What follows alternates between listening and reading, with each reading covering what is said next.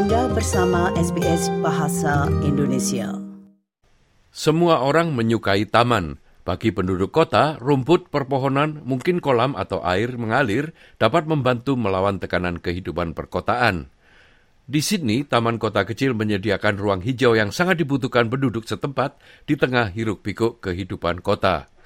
Berikut ini laporan tentang hal tersebut yang disusun oleh Ellen Lee untuk SBS News. Pada saat Anda melihat petak-petak kecil berwarna hijau ini pada aplikasi peta di ponsel Anda, petak-petak tersebut hampir terlihat seperti sebuah anomali dalam lanskap perkotaan. Namun, dosen arsitektur lanskap dan desain perkotaan dari Universitas New South Wales, Mike Harris mengatakan bahwa taman-taman kecil di dalam kota ini sebenarnya memiliki tujuan yang besar baik bagi masyarakat lokal maupun bagi lingkungan. In lots of urban areas just like this, um, there isn't actually any formal public space in terms of plazas, squares, um, parks. Um, there are footpaths, of course, which have played a really important social and commercial role um, for thousands of years. Uh, but there's lots of things that you can't do on a footpath, like a playground or a more formal kind of hangout area um, so that's where these new pocket parks that can be inserted within an existing street by closing it to cars essentially um, provide a new um, public space offering that, that just doesn't exist uh, at, the, at the current time. Pemerintah kota Sydney mengatakan terdapat sekitar 400 taman dan berbagai ukuran, mulai dari taman yang kecil sampai yang besar di wilayah perkotaannya. Dan dengan semakin banyaknya permukiman yang melanggar batas alam, terkadang sulit bagi penduduk kota untuk menemukan tempat di mana mereka dapat bersantai, bersenang-senang atau bersosialisasi di luar ruangan. Mike Harris mengatakan, pocket parks atau taman saku menawarkan solusi. Essentially, the real value of pocket parks is that because they're small, they can be distributed um, across an area of the city to give a public space um, to much greater proximity to, to many more people. So, you know, the activities that they cater for are in some ways very simple, uh, but also very important when it comes to um, what the public domain is there for, and that's really socializing. Di Sydney sudah banyak pocket park atau taman kecil dan masih banyak lagi yang sedang dibangun. Luasnya biasanya kurang dari beberapa ratus meter persegi dan bahkan ada yang berukuran hanya 5 meter persegi.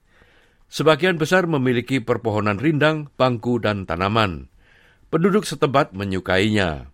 Less traffic coming through here, more pedestrian uh, uh, room for, for people, and uh, especially the elderly, you know, that live around here. And uh, no, it's serene. It refreshes your soul, your body, not just for the people, but for the birds and you know other life, uh, wildlife as well. There's a thousand little dogs around the city. and the big parks, that's where there's a hundred dogs. You come to the little parks, there's only one or two. She's a good dog, but, you know, like, dogs will be dogs. and that's about it. Peneliti perencanaan wilayah dan kota dari Universitas Sydney, Jennifer Ken, berpendapat bahwa ukuran tidak begitu penting dalam rangka memperoleh manfaatnya. You don't need a lot of green space to get the benefits of getting out and about in nature and being connected to your community. And sometimes those smaller parks can be very much easier to manage for communities and they can draw people together in a way that is more cohesive than when the parks are bigger. Secara historis, para perencana kota tidak memperhitungkan ketersediaan ruang untuk taman yang lebih kecil. Namun karena lokasi untuk kawasan hijau yang lebih luas jarang ditemukan dan mahal, kota-kota kini semakin beralih ke solusi ini. Meskipun taman kecil itu penting, Jennifer Ken mengatakan kawasan perkotaan masih membutuhkan ruang hijau yang lebih besar seperti taman tradisional. Our cities are increasingly getting hotter, and larger tracts of green open spaces are the things that are going to take that heat away from our cities. That can't be done by just pocket parks. The other thing is that people need a variety of recreational opportunities as well. You can't really go for a run in a pocket park without getting very bored and very dizzy. You can't get that sense of time out to perhaps do some yoga or a mindfulness practice in a pocket park.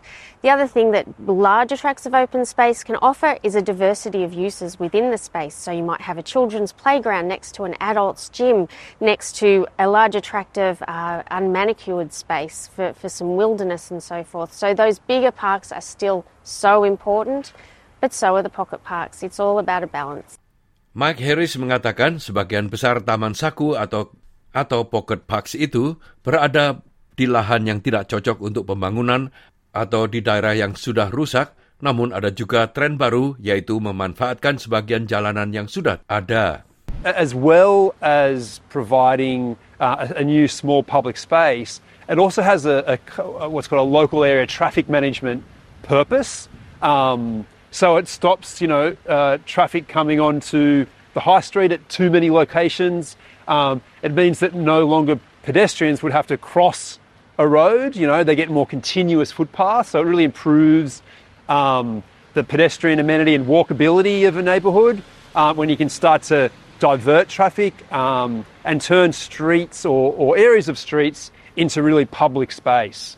Para ahli sepakat bahwa memiliki akses terhadap keragaman taman besar maupun kecil memberikan kontribusi besar terhadap masyarakat yang bahagia dan sehat. Demikianlah tadi rangkuman mengenai Pocket Parks yang disusun oleh Ellen Lee untuk SBS News dan disampaikan oleh Ricky Kusumo. Anda ingin mendengar cerita-cerita seperti ini? Dengarkan di Apple Podcast, Google Podcast, Spotify, atau di mana pun Anda mendapatkan podcast Anda.